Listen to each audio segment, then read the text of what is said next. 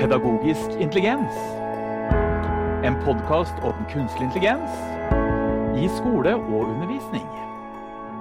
Hei på deg, og hjertelig velkommen til episode 18 av podkasten Pedagogisk intelligens. Jeg har som vanlig med meg Eva Bråttvold. Hei, Eva.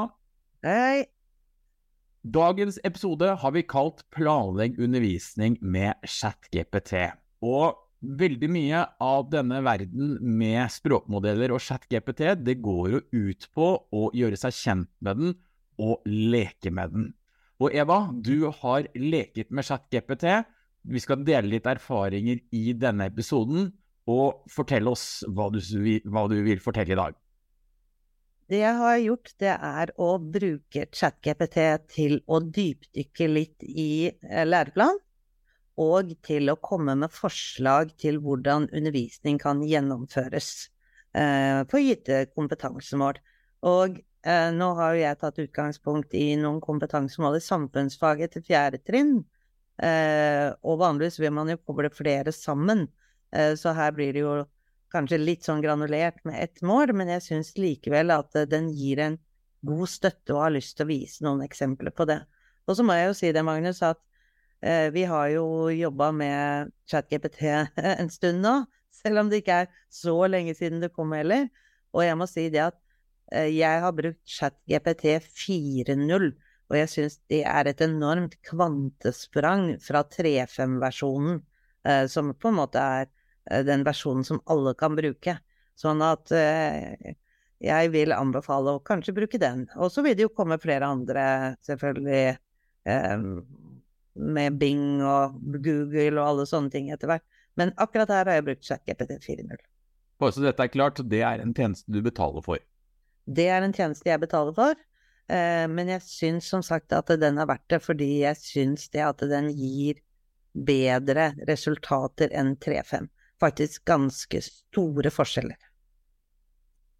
Ok, la oss se hva du har gjort for noe. Ja. Noe av det første som jeg har gjort, det er at jeg tok kompetansemålet og bare limte det inn og ba om at den analyserte det. Altså, de kan jo være litt vanskelig å forstå, eh, men den deler da opp kompetansemålet i noen deler og prøver å forklare hva eh, dette kan bety. Og jeg tenker at det er et godt utgangspunkt for å liksom reflektere litt over kompetansemålet i seg sjøl. Nå tenker jeg jo også det at den er veldig god f.eks. på samfunnsfag. Det er ikke sikkert at den er like god i alle andre fag, men som et utgangspunkt for hva betyr egentlig disse ordene som står i kompetansemålet. Og her ser man det at når jeg, for de som bare lytter, eh, når jeg skriver inn kompetansemål og presenterer menneskerettigheter og rettigheter som barn har, og reflekterer over hvorfor disse rettighetene finnes, eh, så deler den det opp i presentasjon av menneskerettigheter, refleksjon over eksistensen av rettighetene, og hvordan man kan kommunisere og presentere dette på forståelige måter. Eh, så det er egentlig bare en analyse av selve eh, det som står, på en måte. Så, men som et utgangspunkt. Jeg tenker at det er fint å begynne der. Men kanskje viktigere er det neste som kommer, nemlig jeg ba om å få ut nøkkelbegrepene. Altså hva er de viktige begrepene å ha med seg når du skal undervise i dette kompetansemålet. Og sånn som her har den jo foreslått da menneskerettigheter, barns rettigheter, FNs barnekonvensjon, og så refleksjon og presentasjon som er henta da fra kompetansemålet. At det er noe man skal kunne, og forklare litt om det. Og da tenker jeg litt sånn at når det står menneskerettigheter, barns rettigheter og FNs barnekonvensjon, så er det også et godt utgangspunkt for å tenke det at ja, dette er noe av kanskje de fagtekstene vi trenger å få inn for elevene. Dette er noe, eh, noe kunnskap de skal ha også. Uh, og den er jo ganske god på å lage sånne fagtekster, så jeg viser et kort eksempel helt mot tampen av denne podkasten på akkurat det. Men så vet jo du, Magnus, at når vi sitter og jobber, så er det jo noe som heter eh, læringsmål også. Men bare før jeg kommer til de, eh, og si det at det, det å forklare eh, noen av disse begrepene eh, er den jo også veldig flink til. Så her er det litt sånn forslag til hvordan kan du forklare for andre disse begrepene i litt sånn kort versjon. Men her kommer jo læringsmålene. Og eh, du kjenner jo til at vi bruker jo kunnskap, ferdigheter og kompetanse. Eller ja, hva er det vi kaller det? Vi sier kunnskap, ferdigheter og, uh, og uh, annen kompetanse, dvs. vi sier. Grunnleggende uh, kompetanser når vi lager studier. Ja. Og det er jo en god inndeling, tenker jeg da, å, å ha de. Og derfor så har jeg bedt uh, ChatGPT om til dette kompetansemålet og lage læringsmålene og fordele de på den måten som vi er vant til å dele det opp på. Og da tenker jo jeg alltid at kunnskap er ofte den undervisningen som foregår, de tekstene som skal leses osv. Ferdigheter er jo ofte noe man skal gjøre praktisk. Og så kommer kompetansen som handler mye om refleksjoner, eh, liksom metaperspektivet, eh, som man skal jobbe med. Eh, men når du og jeg leser sånne ting som det her, så tenker jeg at eh, kanskje er det litt vanskelig for eh, elever å forstå, da. Altså sånn identifisere de grunnleggende menneskerettighetene og rettighetene barn har ifølge FNs barnekonvensjon, som er et av kunnskapsmålene. Eh, det er jo ikke så lettfordøyelig kanskje for en uh, tiåring. Nei, så. så da skal du få litt hjelp, da, eller til å, å på en måte oversette det til forståelig for en tiåring? Ja, og, og, det er her jeg tenker at ChatGPT er ganske fin. Så jeg, vi har jo snakka om det før med å gjøre teksten enklere, f.eks. Så jeg sa det at gjøre om disse kompetansemålene, eh, eller disse læringsmålene som står her, for eh, lærere, eh, til å bli mer forståelig for en elev på ti år. Og det er klart det at eh, når elevene får vite at du skal kunne navngi de viktigste rettighetene alle mennesker og barn har, og du skal vite hvorfor disse rettighetene er så viktige, så er det jo veldig mye enklere kunnskapsmål å forstå enn det jeg nevnte i stad, med å identifisere rettighetene. Genialt. Ja, og det er litt det jeg tenker at eh, Jeg ser jo det at det er mange som på en måte presenterer kompetansemål for elevene ute. Og Eh, jeg ser jo det i forhold til studiene vi har ellers, at det er mange som har litt problemer med å lage disse læringsmålene og gjøre de enkle å forstå for elevene. At, at man kan slite litt der. Og da tenker jeg at dette er jo en helt ypperlig måte å forklare om eh, læringsmålene på. Jeg, jeg slenger meg på, Eva, for ofte så ser vi at når studentene på våre MOOC-studier Eh, skal lage eh, et undervisningsopplegg, så skal de ha inn læringsmål osv. Og, så videre, og så, så er de ofte for avanserte. Så dette her tenker jeg kan være et veldig godt hjelpemiddel i hverdagen for læreren. Ja, og jeg tenker også sånn f.eks. dette kompetansebegrepet, eh, som kan være litt vanskelig, at du skal reflektere over og sånn noe. Her ser vi jo det her at jeg sier det at forståelig for en elev på ti år, og den sier sånn du skal bruke det du vet gode, om disse rettighetene, da, til å ta gode valg. Skal kunne dele dine tanker og ideer på en fin måte og forstå hvor viktig det er. Eh, så er det et språk som jeg tror at er mye enklere å forstå. Og kanskje ikke bare for elevene, men jeg tenker kanskje for foreldrene også. Eh, de, eh, hvis de ser på noe sånt, så skjønne hva det egentlig er man skal lære.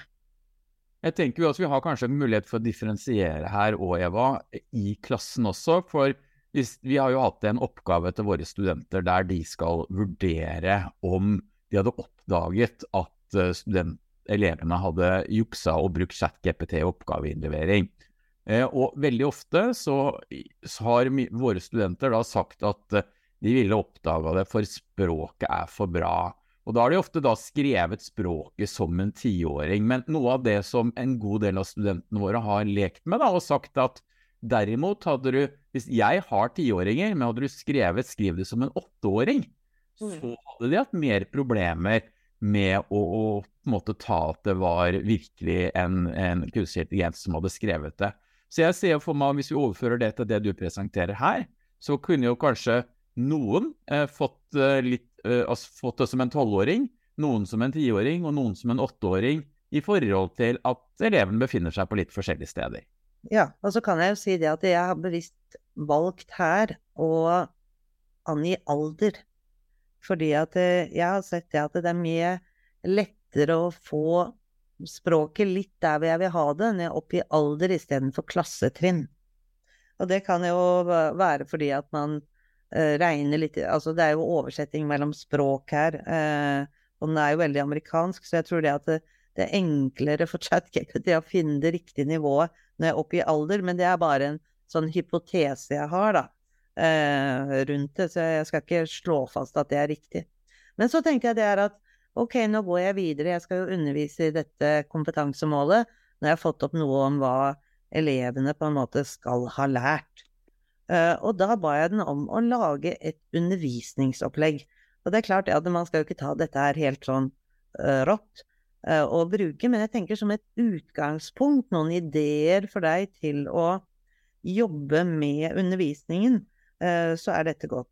Og her er det eksempel sånn Eh, når jeg sier at eh, lag eh, dette undervisningsopplegget passende for elever på ti år, må huske på å ha med det, så sier den f.eks. at jo, først kan vi ha en innledning, og så er jeg ikke helt sikker på den tidsforslaget som den av og til kommer opp med, om det er riktig tid å bruke. Det er noe som du som lærer må vurdere.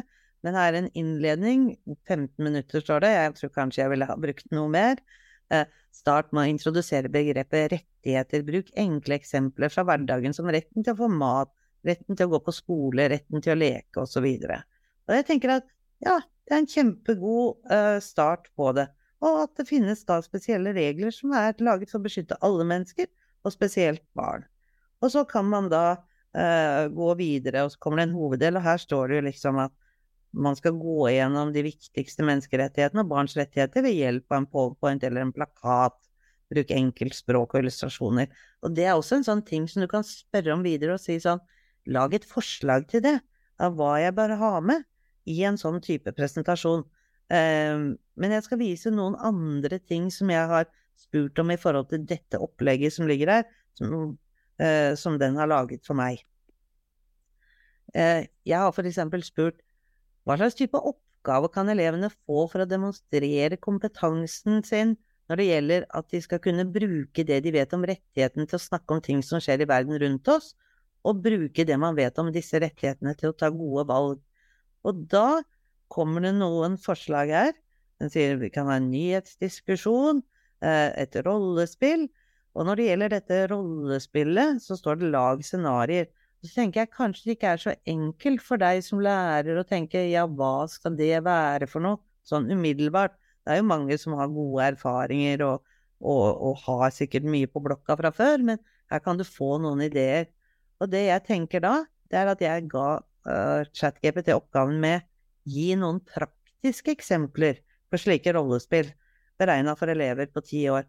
Og her har den kommet opp med flere mulige slike scenarioer retten til å bli hørt, f.eks., og, og hvor det står at situasjonen er at i klasserommet blir det bestemt at det skal velges en ny klasseleder.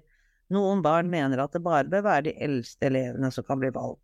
Og så skal man da ha rollespill hvor de diskuterer og stemmer over, f.eks.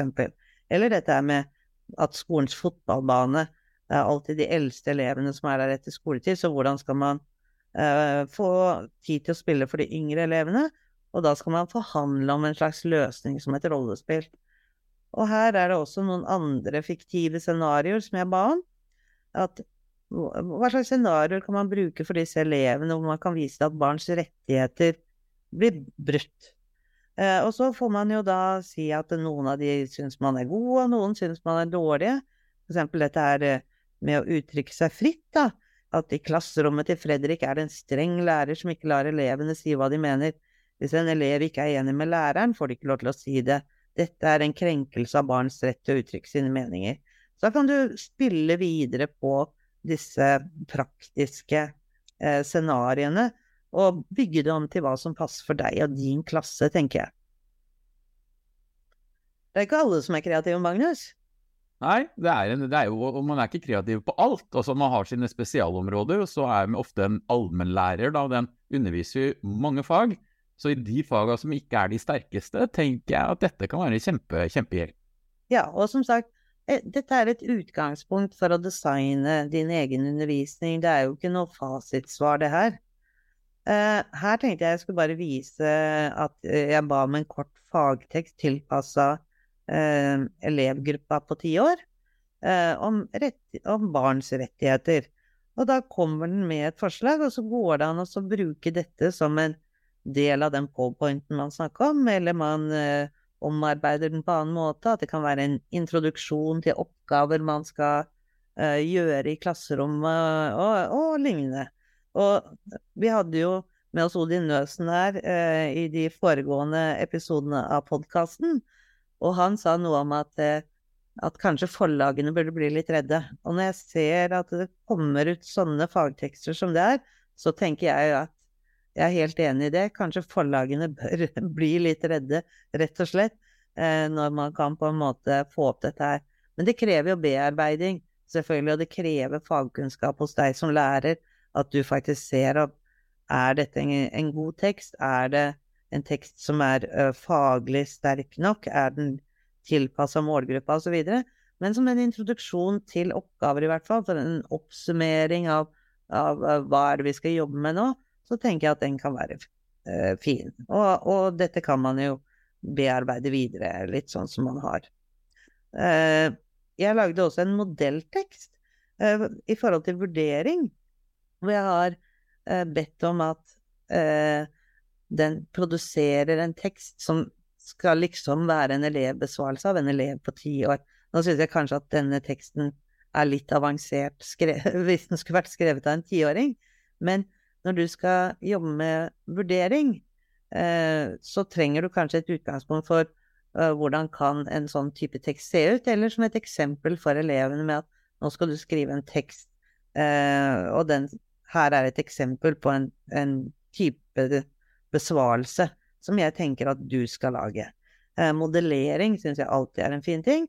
Eh, her har jeg en modelltekst på en elevbesvarelse knytta til hvorfor menneskerettigheter er så viktige. Og, og da forklarer den eleven f.eks. at det er regler som sier hvordan alle mennesker skal behandles, eh, og at disse reglene er viktige for det hjelper oss å sørge for at alle behandles rettferdig og med respekt, f.eks. Og der har du jo noen sånne punkter sånn at dette bør være med i forståelsen av menneskerettighetene, tenker jeg da. Uh, og, og, så er det jo fint for elever også, og ikke at de skal skrive av den som er her. Uh, så akkurat i dette tilfellet så kanskje ikke dette er en tekst som elevene skal se.